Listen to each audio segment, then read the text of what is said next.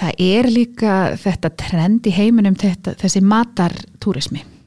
Þú vilt komast, þú vilt hitta hérna þú vilt hitta fólki sem býr á stanum þú vilt svolítið fá að borða eins og fólki sem býr á stanum og þið langar að sjá framleysturnar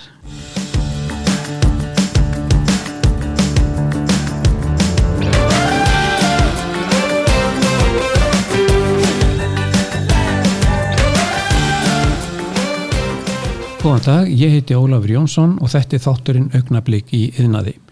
Gestur minn í dag er Eva Maria Sigurbjörnsdóttir, framleiðslustjóri hjá Eimverk sem framleiðir meðal annars viski, kín og brennivín. Eva Maria er einnig formaður samtaka íslenskara eimingaósa. Við viljum að ræða um framleiðslu á eimiðu víni hér á landi um samtök eimingahósa og helstu viðfónsefni samtakana. En ef við byrjum á þér, Eva Maria, eða viltu segja okkur aðeins frá þér og hvernig það kom til að þið stopnuðu einverk á sínum tíma? Já, ég er fætt og uppalenni í Árbanum og býr þar ennþá. Man kemst ekkert langt úr Árbanum. uh, ég, hérna, við frænsiskinin förum að staða með einverk saman.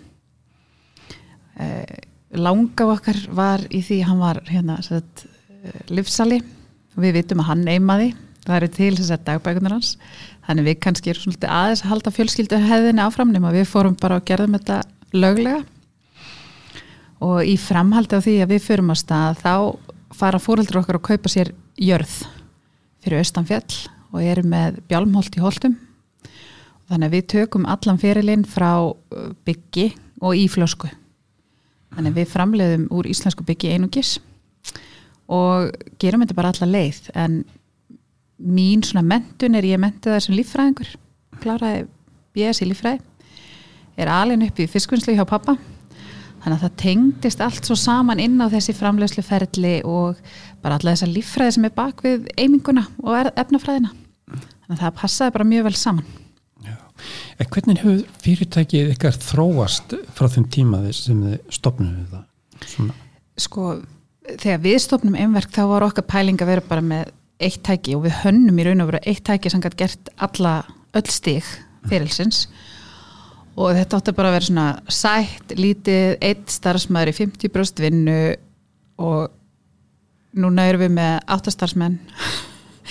Við hefum orðið 400 og eitthvað tunnur á, sem eru bara misgamlar í, í öldrunarferlinu.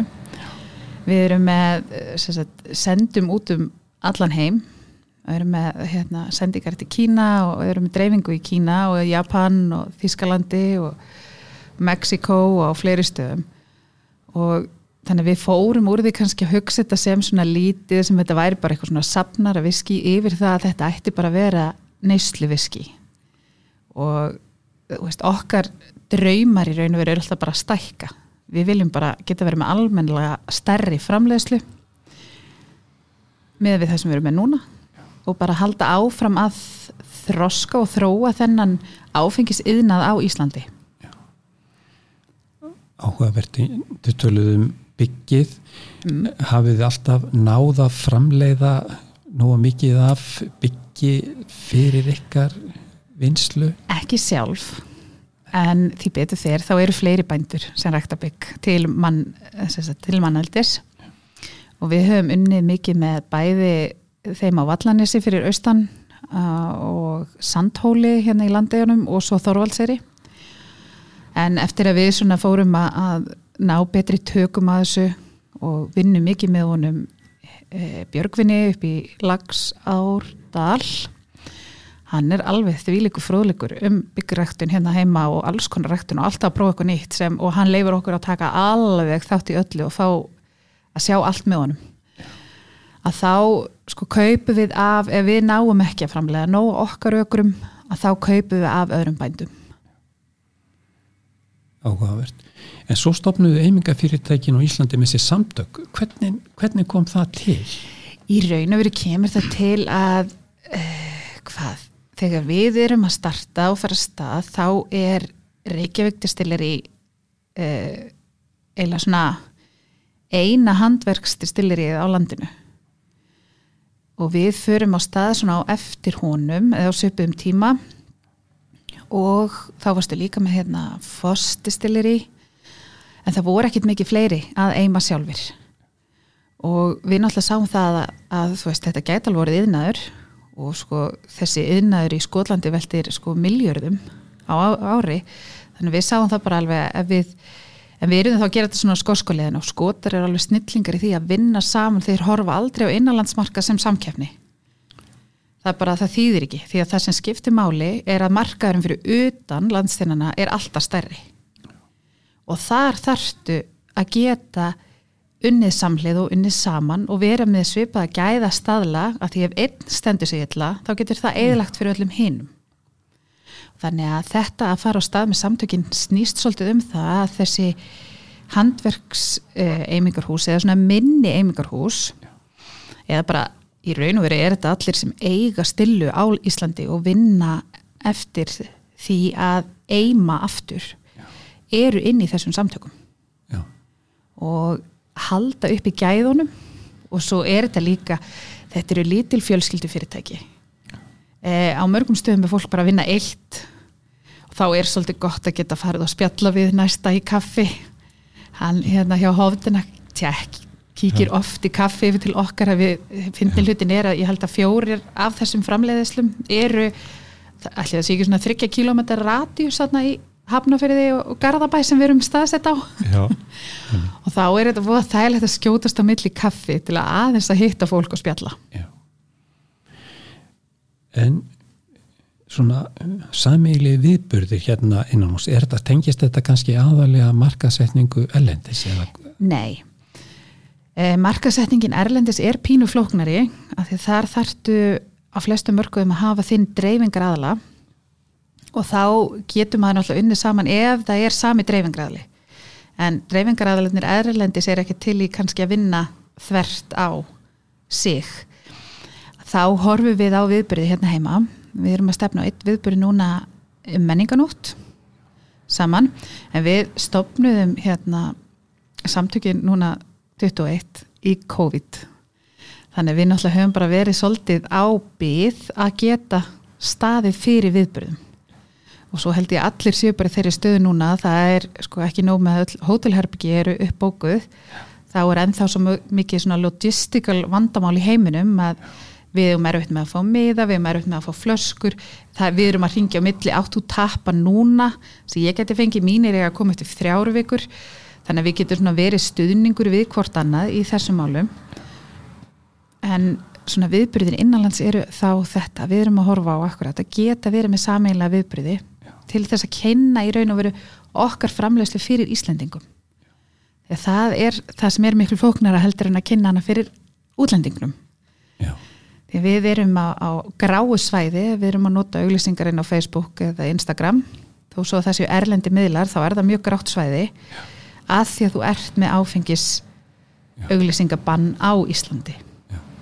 þannig að maður verður að fara mjög varlega í kringum þessa miðla hvað maður gerir flókin, flókin markasetning og kynning, já. Já, fyrir Íslendingana, já. en Erlendis máttu senda og, og við til dæmis eins og hjá okkur og hofðin akkar líka með, þá eru, þetta eru við með svona gestastofur, þar sem þú getur komið í heimsókn í fyrirtækin, kynst eh, framleyslunni, fengið að smaka vöruna og bara og við erum, hérna, við erum búin að vera þriðju eða önnur á TripAdvisor fyrir hluti að gera á höfuborgarsæðinu við bara komist aldrei ofar heldur en Hallgrímskirkja. Hún er einhvern veginn vinnur alltaf. Þetta er mjög áhugaverð þetta segir bara svolítið um áhugan sem er á þessari voru og innlendi framlegslu og staðbundinni framlegslu Það er líka þetta trend í heiminum þetta, þessi matartúrismi þú vilt komast, þú vilt hitta hérna Þú vilt hitta fólki sem býr á stanum. Þú vilt svolítið fá að borða eins og fólki sem býr á stanum og þið langar að sjá framleysturnar. Uh, eh, í gamla dag, ég menna ég man eftir því að hafa fengið að fara inn í mjölkusamsöluna og ostasamsöluna og, og, og þessar framleyslur bara í skólanum. Og í dag erum við búin að loka öllum framleyslum. Þú mátt hverki fara inn og þú mátt ekki sjá framleysluna. Við verðum að gera sérstaklega samning við heilbriðseftilitið að hérna, við mættum sína eftir lokum, þannig að við erum bara með hjá okkur er það bara klukkan fjögur þarf framlegslega að vera lokið til þess að hleypa túrum að já, að því að, að við náttúrulega gætum benda á að í Skotlandi væri þetta leift og þar ertu bara að lappa um vegsmiðnar og meðan þar er í keislu. En við fórum þenn, þennan milliveg að vegsmiðan er í raun og veru við erum hætt. Vélarnar er í gangi en það er engir starfsmenn að sinna neinu inni, þá getur túrin fengið að fara í gegn. Já. Þetta er bara tekið eins og matvala framleysla það fer engin Við erum náttúrulega bara flokkuð sem matvælaframlegsla og það er í raun og veru kannski svona þetta er svo ungur yðnar, það er engin sér eh, flokkur fyrir sterkvinnsframleðendur hjá heilbyrðisættildur við erum bara flokkuð eins og næsta fiskvinnsla. Og ég alveg hef staðið í stappi að því ég neita að taka listir í prófin því að við erum ekki er, við erum bara ekki með ferskan fisk. Já. við þurfum ekki að taka sömpróf, við þurfum að taka önnur próf sem þau vissu ekki af og ég þurfti að kenna þeim á.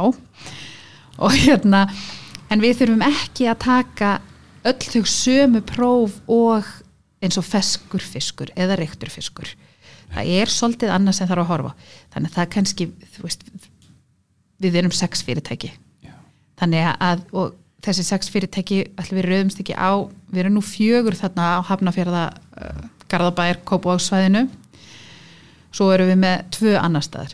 Þannig að allir við rauðumst ekki niður á sko þrjú allavega heilbyrðiseftirlit þannig að það er ekki hægt að setja búa bara til deilt hjá á einu heilbyrðiseftirliti sem sinnir þá bara þessum fyrirtækjum þannig að allir er að fá sömu. Og það er mjög skondi þegar við förum að ræða þetta sko heimsókninar hvað það er miseft eftir sko áherslutnar milli bæjarfélaga á hvað þú verður að passa og hvað þú, mátt, þú veist, hvað þú verður að passa í þessu bæjarfélagi versus hvað þú átt að passa í hinnu bæjarfélaginu. En það hefur verið þekkt lengi. Já. þannig að það er kannski svona þetta eru bara svona vakstaverkir sem koma hægt og rólega. Og þeir eru hérna þau eru allavega til að læra í helbyrðiseftilitinu og, og tilbúin til að svona sjá sjónarhóttnina að það kannski þarf aðrar kröfur hjá okkur heldur en fiskvinnslunni. Eðlilega.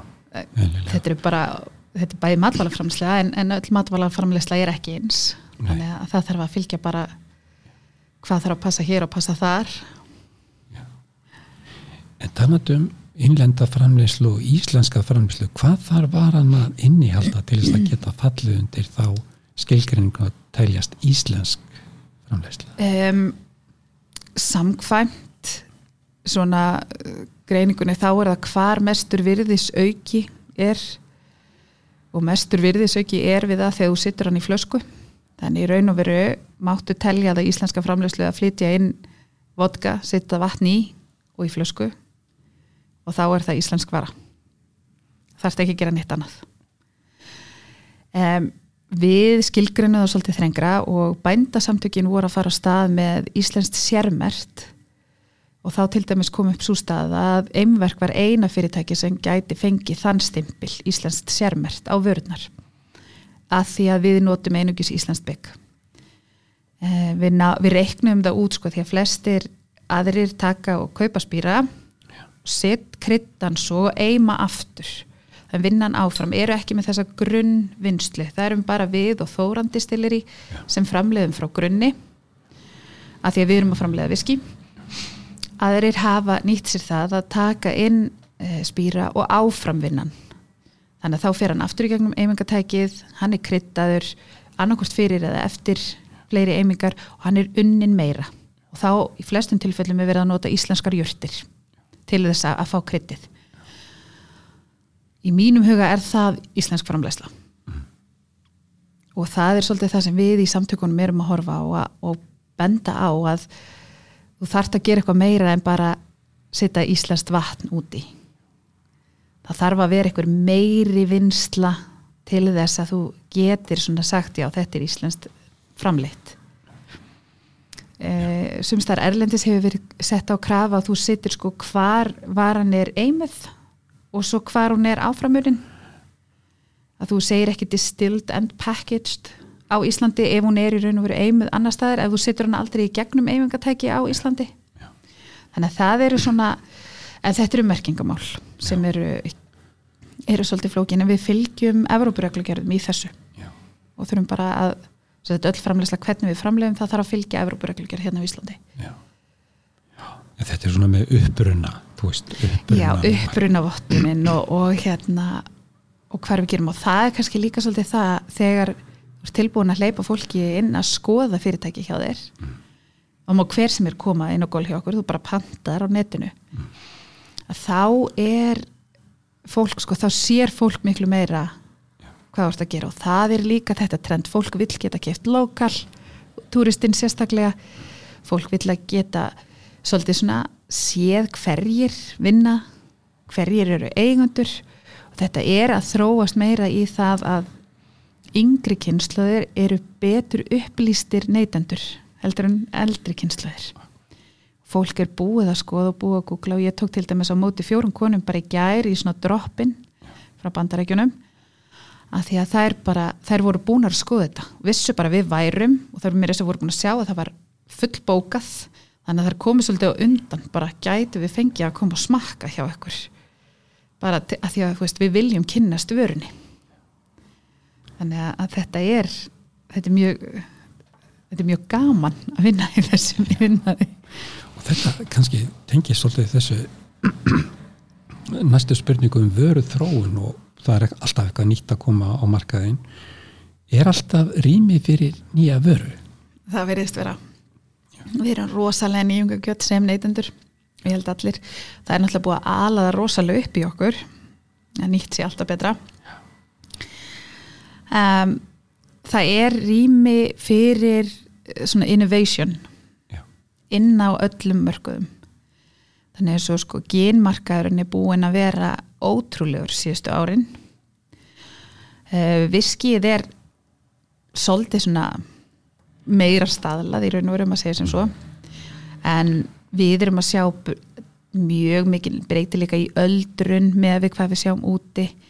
Við erum að sjá breytileika að því að við notum bara Íslands bygg þá fáum við mjög ólíkan bragð eh, bara bragðið er mjög ólíkt. Þó svo við sjáum bara að nota bygg líka eins og er gert í Skólandi þá er mjög ólíkt bragðaði þannig að það er möguleiki á að leika sér Já. og að búa til sem er nýtt. Og svo bara smám sama byggjum maður upp sinn kunnahóp sem kemur aftur og aftur. Og það er í raun og veru að geta haldið stöðugt. En við leikum okkur, við kaupum mismunandi tunnur, við erum að prófa tíma lengd á öldruninni. Við erum að, þú veist það er svona alls konar þættir sem getur leikið að pröfað. En í grunninn er þetta fólk er inn á, á veist, og þarna kemur akkurat Evrópuröglugjörðunar alveg staðla til þess að gera gen þá verður eini byrja að vera ríkjandi bræðþáttur og þá getur fólk, hefur fólk svona aðeins í kring til að leika sér. Hvað, þú veist, hvaða júrtir það hefur með hvað lætur liggja lengi júrtirnar í og svo les þannig að það gefur tækifæri á að leika sér innan flokk sem neytandið þekkir. Skilji. Því ég hef líka séð það í eins og hérna en nú er mikið af litlu brukósunum og þetta er mikið oft þess að í raun og veru gera þér uppskriftina einu snei og svo er hún bara ekkert í bóði aftur Já. og það er svolítið svona þessi kraftbrúris það er svolítið Já. stefna, þú ert alltaf að leika þér þú ert að búa, pröfa, gera eitthvað nýtt og auðvitað dettur niður á einhverjar uppskriftir sem hún fattar bara eru uppskriftir sem ættu að fara í stöðu og framleiðslu en þar er meira svona verið að breytileikin meiri. Já og það er meira svona í þessum kraft heimi handverks þá er svona meira lífi á að fólk er að leika sér og pröfa. Þegar þú ert komin upp í stóri framlýstunum þá, þá ertu bara, þetta er bara eins og hvort þú ert á litlum bát eða stórum bát. Já, já. það er miklu auðveldar að veist, taka og beigja á litlum skipum heldur en einhverjum stórum farmskipi sko, það tekur svolítið langan tíma og það er bara eins. Litlu fyrirtækin geta leift sér að vera hraðar í ákverðinu þróun. Og meðan stærra fyrirtæki það er flóknara að gera það. En aðeins um viskið sem varst að nefna á það og hérna íslenska byggið. Mm. þannig að íslenska byggið sem er rægt að hérna mun vera svona ríkjandi bragþáttur í viskiðinu hér á landi eða hvað? Sko við hefum verið að vinna núna með matvælastofnun að fá sem sagt um, svona afurðarheiti staðfest íslenskt viski. Þannig að þú getur ekki flutt inn viski og sagt að sé íslenskt viski af því að þú setur það flösku á Íslandi. Að þú þurfir í raun að framleiða frá grunni á Íslandi. Þetta er í flestum öðrum löndum. Þetta er á Írlandi, Skotlandi. Japan var að setja í gegn svona reglur hjá sér að því að þeir lendi þessu að það var svo mikið, þeir, þeir voru búin að standa sér vel, vinna fullt af keppnum og eru búin að vera mjög frægir undan fyrir nár að þá kemur svo mikið af svona hérna, sem, þá er bara fluttin eitthvað, ótir spýri sem, sem, af þessu kom aldrei eins og til Japans, þetta var bara merti Japanst þannig að þeir voru að klára svona reglugjörð hjá sér en nú eru við bara í vinslu að ná í gegn svona reglugjörð hérna heima og erum bæði að vinna með nýja matvala ráðunitinu í því og þessu en já, þar var sett inn að það er að vera 51% íslenskt korn. Við settum ekki bygg, heldur við settum korn. Og hérna og það snýst um það að ef þú notar havra eða rúg þá færðu allt annað bragð. Og þú vilt ekki takmarka þig við bara byggið, þú vilt hafa tækifærað á því að leika er með aðrar korttegundir sem við getum ræktað og við viljum heldur ekki loka á aðra kortegundir sem verður mögulega hægt að rækta í framtíðinni. Því að það eru bara 35-40 ár sem var hægt að byrja að rækta bygg aftur á Íslandi. Þú veist ég, það er fyrir 1200 segir í raun og verið að það kemur fyrsta þannig að hýta droppið, kemur í kringu 1200 Já. og það er eins og styrlungöldin, hún í raun og verið kemur svolítið í kjölfarið á þessari hýta lækkun að því að þá eru þeir að fá meira landsæði til þess að geta haldið upp í lífstilnum skrifa bækurnar, átt jafnmarka kalva og svo leiðist til að fá leðrið.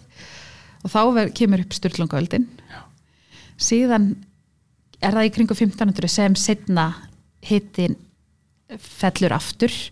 Og eftir 1500 er ekki hægt að rækta byggja á Íslandi, ekki fyrir, já, fyrir 40 árum. Já, einhverjus þetta er ráða mikið að segja þannig þessu. Ég, ég bara enn þann dag í dag. Og alltaf, já.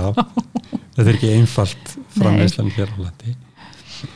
En ef, ef við tölum um þessa íslensku framleyslu hérna, hvernig hefur svona gengið á allþjóðamarkað og í keppnum og síningum ellendis? Þetta hefur gengið mjög vel. Ekki bara hjá okkur heldur hinn fyrirtækin líka hafa unnið mikið af velunum uh, er að muna hvað allir heita og hvaða velun þau vinna. Eh, Hafdinak fekk velun í fyrra fyrir Stöðluberg gynni sitt. Mjög gott gyn, við höfum fengið velun fyrir gynnið okkar. Við höfum fengið velun fyrir uh, viskið okkar líka. Hva? það var eitthvað að benda mér á hann hefði unni bara velun núna hérna Himbrimi, hann er búin að fá hvort hann var að fá velun, jú, hann var örgla bara, það var örgla velun að detta í húsi á þeim núna bara í ár. Þannig að við erum að standa okkur í alþjóðasamkefni eru íslensku framleiðtunir að standa sig. Já, segi kannski svolítið um gæðin og vörun líka. Já, við erum eh, veist, þessi fyrirtæki sem standa að samtökunum fólk er að leggja sig allan fram. Þetta er náttúrulega, þú ert að leggja allt undir þú ert að leggja húsið þitt undir. Það er með það bara einskott og þú standir þig vel í þessu því að það er allt undir hjá okkur. Og, og ég held í flestum tilfellum þá finnst okkur, fólki finnst það bara gaman. Já. það er gaman og við vorum með svona fengum hann hérna andra í kjölfarið að hann bjóð til koktela með ykkur þegar voru að taka vídjóinn þá tók hann og bjóð til svona koktela þvert á fyrirtæki. Þannig að hann blandaði saman tegundum frá fyrirtækjum. Og það voru nokkri þar sem voru alveg rosalega góðir alveg bara, hann er náttúrulega bara algjör snillingur í að ræða saman bræði hann andri, þannig að, að við horfum svolítið í þetta ná að vinna svona saman. Verður bara meir úr. Það verður bara meir úr. Við, náttúrulega, það er íslenski markaðurinn er aldrei að fara að standa undir framleystunni hjá einum eða neinum. Bara út af smægð. Það er ekki það neinu öðru. Og hérna og þá verðum við að geta unnið saman og við getum ekki unnið saman nema í gegnum samtök út af samkeppnis uh, sjónamiðum en í gegnum samtökin getum við unnið saman. Og þá eru náttúrulega þessi viðbryðir helst og svo eru náttúrulega þessar að íta á að e, reglugerður og annað hendi framleystina að við förum að fá sérflokk. Að við séum ekki bara flokkuð eins og fiskvinnslan. Heldur að við fáum bara að við fáum í raun og veru bæði þá þyrft að koma sérflokkur fyrir brugghúsin og svo þarf að vera sérflokkur fyrir sterkvinnsframlegslu að því að þetta er ólík framlegsla þarna á þessum töfum stöðum. Og þetta eru kannski verkefni sem þarf að, ná utanum núna á Já, næstunni. og svo er líka við Íslendingar, við erum, við erum náttúrulega mjög hrætt við áfengi. Og við felum áfengisögu Íslands mjög mikið. Og í stað þess að e, kenna ábyrganeyslu þá er við svolítið hérna í dag að það sé bara ekki drukkið. E, ég mæli náttúrulega ekki með því einhver drekki undir aldri en við eigum að kenna ábyrganeyslu við eigum að ræða veist, hvaða áhrif ofneysla hefur en við eigum líka að tala bara um ábyrganeyslu og það er kannski það svona ef, ef þú horfir á hvað frakkar gera og hvað er gert í Evrópulöndum þá er meira hort á að kenna ábyrganeyslu heldur en að kenna bara hérna ekki drekka. Eins og þessi eitthvað skömm í kringum þetta? Já, og eiginlega svona finnast að dæmi sem ég þekkjum þetta að því mér finnst það svo, þetta er svo innilega skondið að ég var hérna tók nám erlendi sem þetta er með auka nám í eimingu. Bara sér, ég bara sér mentu eimingu úr kornvörum frá Skotlandi. Og þá áttum við að gera svona og ég náttúrulega alltaf fekk að miða við Ísland þá las ég þess að eðinsu Íslands og íslenska þjóðhætti. Þegar ég var að reyna í raun og veru okkur vandaði líka þessi íslensku orð yfir. Það er svo leðilegt að ert með kynningu fyrir Íslendinga og þú hálf talar ennsku að því það er ekki íslensku orð yfir framlegslu ferilinn eða, eða stíið sem var allt til í raun og veru. Stór hluti af þessum orðum var bara til við vorum bara ekki þekkt. Eða við vorum ekki með þau allavega.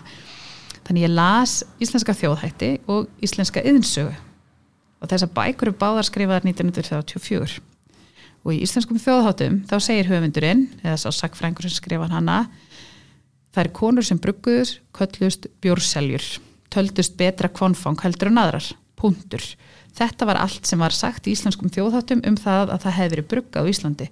Þetta er heil kapli í íslenskri yðnsögu þar sem er farið alveg yfir allt fyrirlin, öll tækin nefnd allt hvernig þetta var gert og það sýnir manni bara það hvað sagfræðingurinn getur haft mikil áhrif. Þarna var greinlega sá sem skrifaði íslenska þjóðhætti, hann var templari.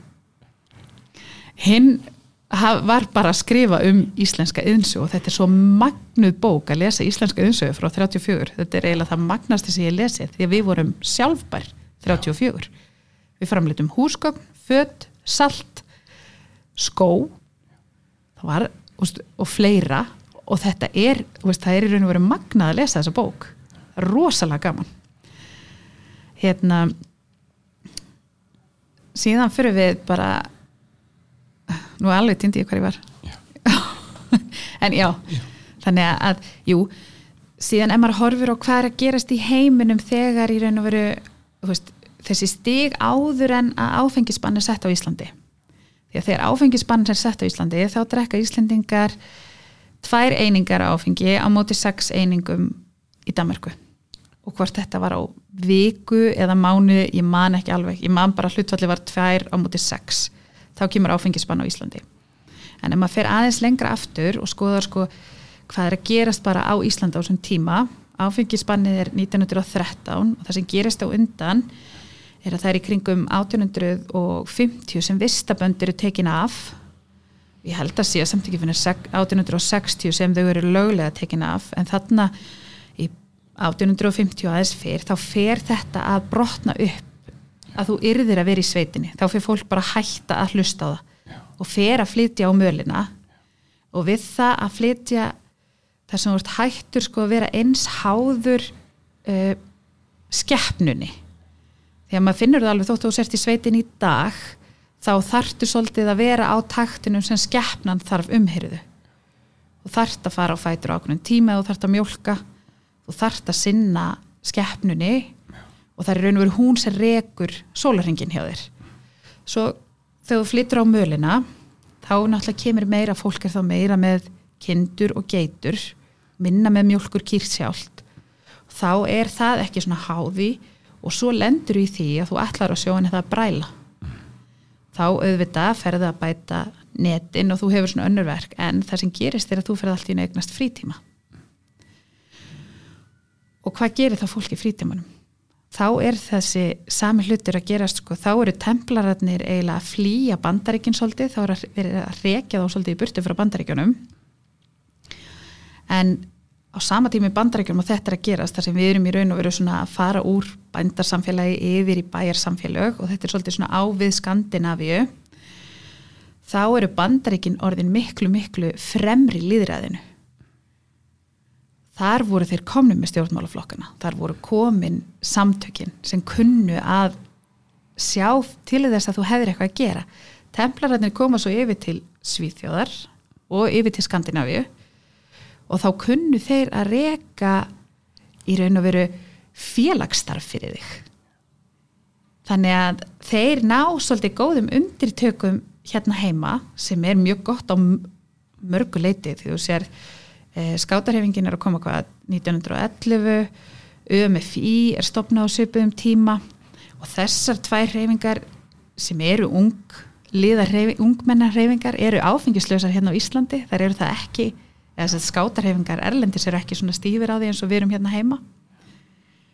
En í mínu muga er það algjörlega eðlegt þú ert að starfa með, með, ungum, með ungu fólki að þeir kunnu að búa til félagsstarf fyrir þig.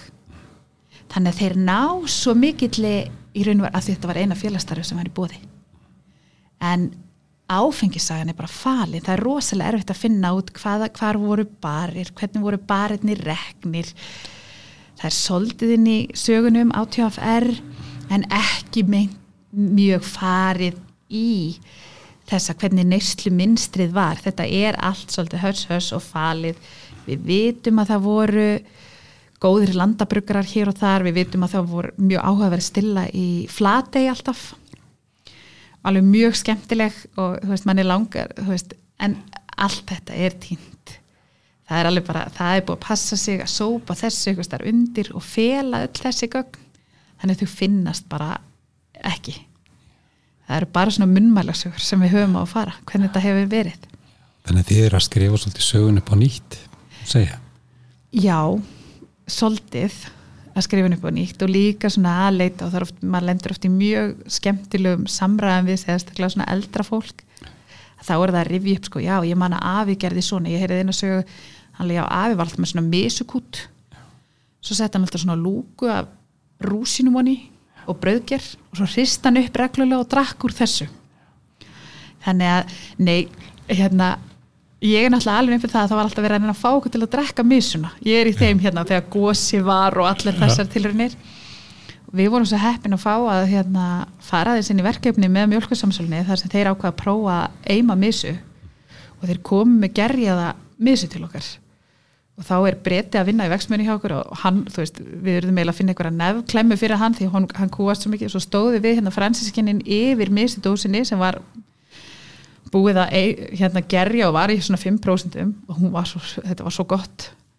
Þetta var alveg hún verður svo dísætt og góð sko þegar búið að gerja hana upp í 5% hún er mjög góður svona áfingur svaladryggur bara gerjuð misa. Það kom okkur virkilega óvart sko en það ánga allt eins og ostapopp í auksmiðunin margar vikur á eftir sko. En það var mjög skemmtilegt að pröfa.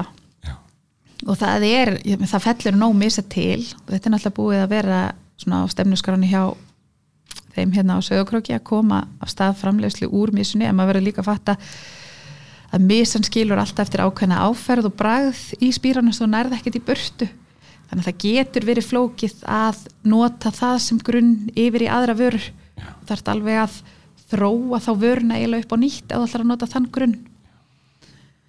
Þegar að ráöfnið hefur svo mikil áhrif yfir í lokabræðið hjá þér. Það er alveg ótrúlega mikið. Miklu meira en fólk gerir sig grein fyrir. Þetta er áhugavert og greinilega sko tækifæri framöndan og líta svona innlenda framlegslu og kannski óhefbundan framlegslu í, í þessa vörur eitthvað. En bara bestu þakki fyrir þetta og gangi ykkur vel. Takk fyrir.